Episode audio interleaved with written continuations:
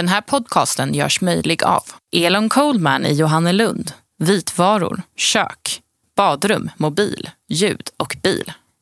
Fonus Öst, en riktig begravningsbyrå. I 25 år har Karina Glänning författat krönikor. Det är en salig blandning av förnumstigheter och klavertramp. I podden Glennings gliringar läser Karina en handfull av dessa per avsnitt. Mycket nöje! Hej och hjärtligt välkommen tillbaka till Glennings gliringar där vi botaniserar i kröniker skrivna från 1998 och fram till idag.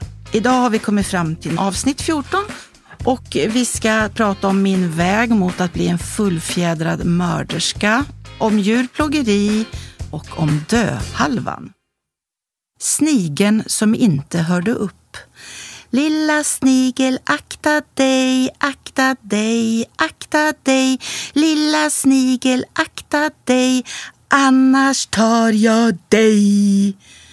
Men hallå, nu hörde du ju inte upp lilla snigel.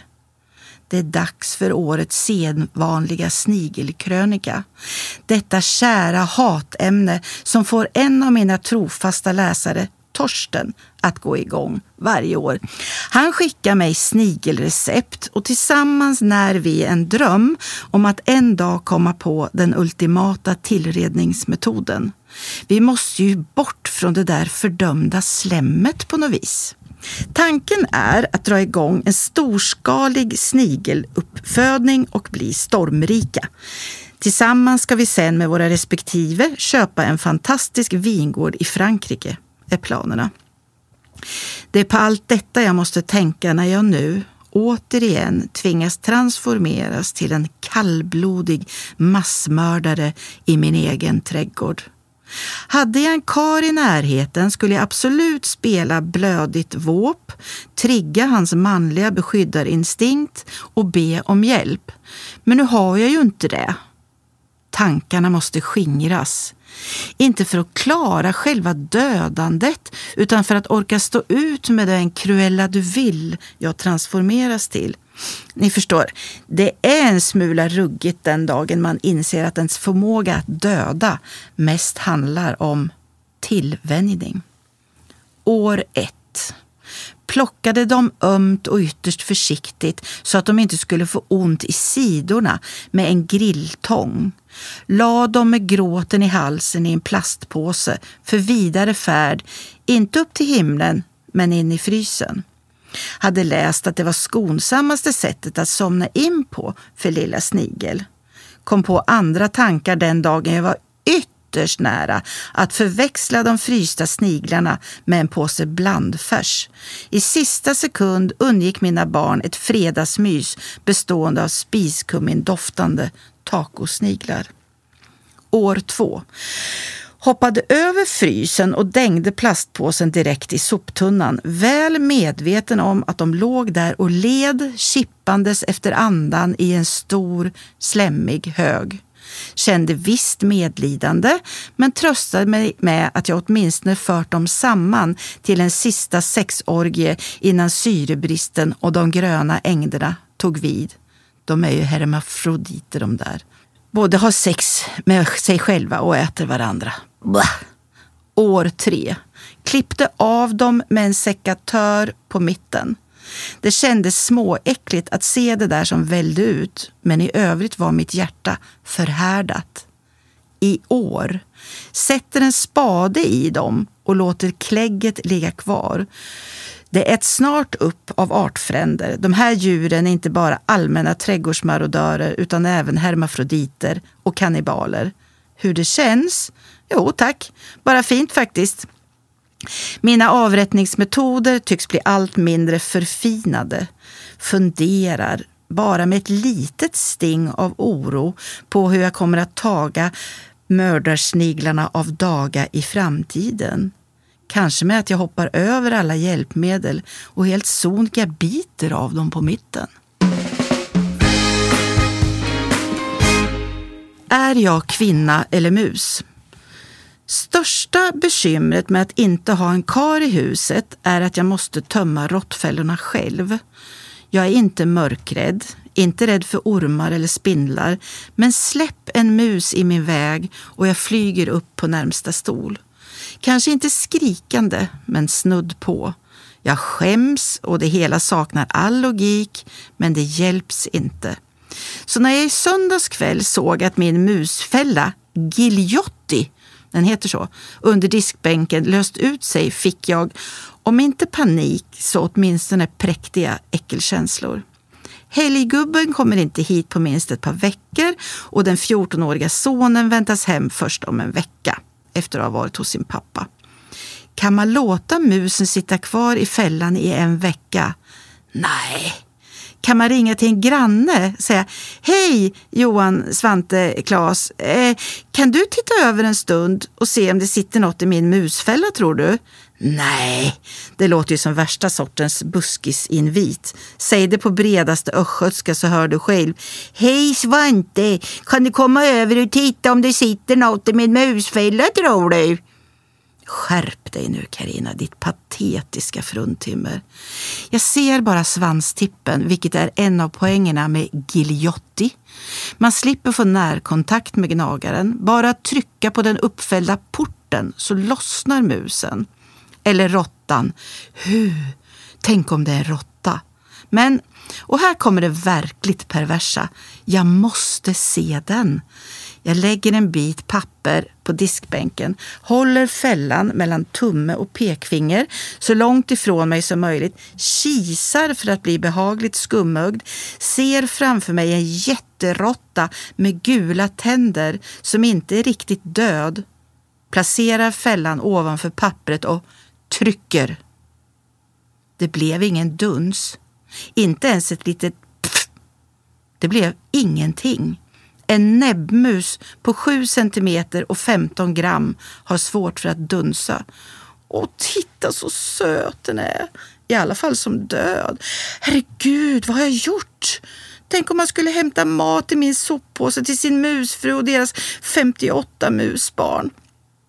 Nåväl, a woman got to do what a woman got to do.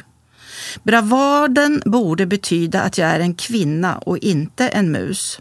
Full av nyvunnen självkänsla och med högburet huvud beger jag mig mot osten för att ladda om fällan. Nej förresten, det får någon annan göra. Det får finnas gränser för vad ett våp ska behöva utsättas för. Nu mår jag mycket bättre.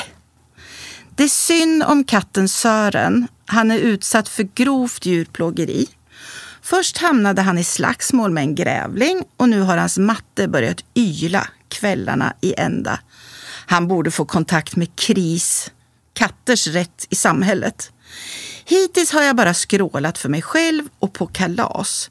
Men det var när jag ägnade mer intresse åt själva snapsvisorna än snapsen i sig, kräftorna och mitt bordssällskap som jag insåg att jag måste sjunga mer i en kör. Få saker gör mig så glad som att ta ton, högt och ljudligt.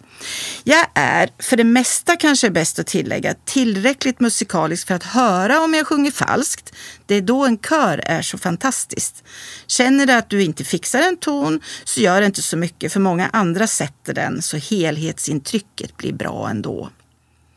På stadsfesten i Linköping fick man på Korrens tältområde testa klipp och kör med Eva Bergenhem. Precis alla är välkomna till den här kören och jag blev fast direkt. Jag läser på nätet att Sverige leder i körsång.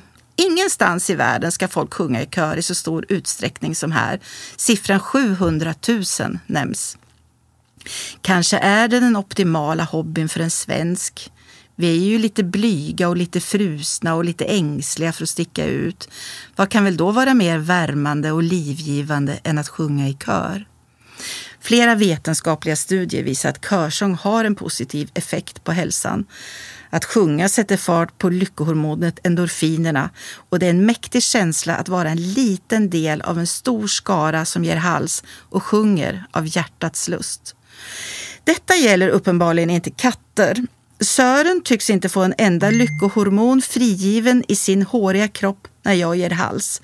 Han trycker ned öronen mot huvudet och tar med jagad blick skydd under soffan när jag stämmer i med Vänta inte med att sjunga tills du blir gammal för i så fall kan det hända sig att du dör innan du sjungit en enda sång. Jag anar att Sören här tänker att det är just min trall som blir hans död. Så jag provar med en annan. Nu mår jag mycket bättre, tack och lov att jag finns. Se på mig, jag är rasande bra, ja, jag mår som en prins. Nix. Sören mår inte mycket bättre och definitivt inte som en prins av Kristina Lunds härliga text. Han mår som en torterad huskatt. Förresten, det är väl konstigt att det ska ta en sån sabla tid att komma till skott ibland. Men nu är jag igång, så håll i hatten alla som kommer i min väg. Jag sjunger högt som attan. Till dig Sören säger jag bara, om du slutar placera åkersorks inälvor på hallmattan så drar jag ner volymen när du är inne. Do we have a deal?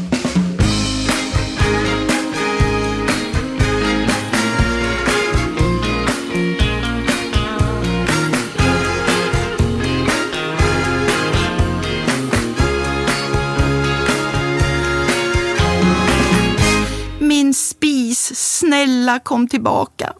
Jag anropar himlen.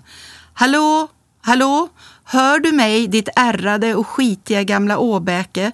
I så fall, jag ångrar mig, allt är förlåtet, kom tillbaka. Visa mig ett till av dessa evinnerliga mantran som försvarar allt nytillverkat och förbannar allt gammalt och jag går bärsärk. Utvecklingen går framåt med stormsteg. Tekniken och elektroniken gör hela tiden nya landvinningar. Dagens innovativa hushållsmaskiner sparar både din tid och miljön. Bullshit, säger jag och anropar vitvaruhimlen och min i våras kasserade Electrolux-spis från 1970-talet. Åh, vad jag saknar dig. Visst var du ful enligt dagens proklamerade skönhetsideal och visst hade dina plattor börjat pulveriseras av ålderdom och hårt användande. Men som du fattas mig. Jag erkänner att jag som det lättledda fruntimmer jag är förfördes av din ersättares yttre, borstat stål, de strama svarta linjerna mot tegelväggen. Nästan som ett ultramodernt ufo landat i mitt gamla kök. Och den häftiga kontrasten som uppstod när den placerades bredvid strömavbrottens räddning, vedspisen. Med risk för att få 220 volt rakt genom kroppen nästa gång jag sätter på den nya spisen och därmed sluta mina dagar som en förkolnad och skrumpen liten grillrest på köksgolvet måste jag ändå få säga, jag är grymt besviken. Glaskeramikhällen är redan repig trots att jag skött den efter konstens alla regler. Krävs det silkesvantar på kocken och möbeltassar under kastrullerna vid modern matlagning? Det brukar påtalas att man sparar så oerhört mycket tid med modern elektronik. Att allting kokar så mycket snabbare. Men den tiden tvingas ju jag att spendera på att göra rent eländet. Jösses som man står där och skrapar med det lilla jamsiga rakbladsverktyget och det jättedyra specialpreparatet. Bah! Det blir fläckar bara av att glo på glaskeramikhällen.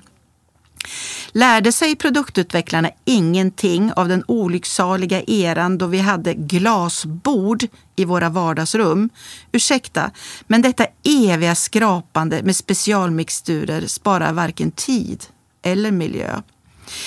Min gamla spis var oerhört lätt att göra ren i jämförelse. Dessutom var ugnen mycket bättre. Den här gräddas snett. Ena kanten av lasagnen är nästan bränd, den andra helt ofärgad. Ska man behöva öppna luckan och snurra käket i en modern spis? Nej. När jag lagar mat vill jag ha rejäla doningar. Ingen jäkla prinsessan på ärten. Oh, jag borde väl ha stannat i grottan. Hej på dig du döhalvan. Jag övar mig på att skrida riktigt snyggt och så ger jag främmande ljud ifrån mig. Så kan det gå när man snart fyller 50. Saken är att jag övar inför något som kan komma att platsa i Guinness rekordbok som världens äldsta luciatåg. Ett luciatåg med mogna, för att inte vara brutalt uppriktig och säga smått övermogna, lucior. Det här är en dröm som min körledare Eva Bergenhem tydligen närt i flera år och hon beskriver det som det roligaste jag gjort i musikväg. Hmm. Vi får verkligen hoppas att det inte är av Lytes komikskäl. Hon hade bestämt sig för att genomföra projektet om så bara ett tiotal av hennes körsångare ville ställa upp. Nu blir vi visst över 160. Ett bekymmer har dykt upp och väsande avhandlats mellan halvstängda mungipor. Det rör varken stämsången, diktläsningen eller huruvida vi ska ha stakar i nävarna, utan glittret. Hur viktigt är det egentligen att markera midjan med glitter? Inte alls väl? Vad är det som säger att medelålders lucior inte kan införa ett helt eget luciamode och ha glittret runt ja, handleden? Det blir ju både billigt och miljövänligt. Det känns verkligen inte som om jag har ett oavvisligt behov av att markera en hädangången kroppsdel, som midjan. I synnerhet inte med glitter och i synnerhet inte just när jag står på en scen i Missionskyrkan. Min mamma låter meddela att eftersom hon utstått alla Lucia-tåg jag gått i som liten så lovar hon som den stoiska moder hon är att bevittna även detta, med all sannolikhet mitt sista Lucia-tåg. Hennes gubbe fnyser. Just har man klarat av barnbarnens alla förbannade framträdanden så ska det börjas om med deras morsa. Herregud! Ja, ja, lite spott och spe får vi artister räkna med. Pöben är väl bara avundsjuk. Jag tycker evenemanget passar mig ypperligt just i år. Bara några veckor före framträdandet äntrar jag döhalvan och fyller 50. Vad är väl mer värdigt än att börja sin vandring i ålderdomens mörker med att vara ljusdrottning? Jag bara skojar lite fattar ni väl. Här vilar inga ledsna halta löss. Och självklart är vi kvinnor som vilket annat kött som helst. Moget, välhängt och mörat är bäst. Och strax innan vi börjar ruttna är vi rent magiska. Som kött. Hej på dig döhalvan, nu kommer jag och ger dig en match. Dessutom byter jag från och med nu namn på döhalvan till Lekkvarten. Lekkvarten börjar vid livets absoluta höjdpunkt, 50. Med lite flyt kan det se ut så här fram till 75. Gelina flyger hyfsat bra i takt med att utputtningen ur boet närmar sig. Ekonomin är därmed stabilare än på länge. Ålderskrämporna har inte börjat ge sig till känna än. Lite stel kanske, men annars okej. Okay. Man är tryggare i sig själv och har bättre insikt om vilka strider som är viktiga och vilka man kan strunta i. Innehållet är allt. Yta är inget.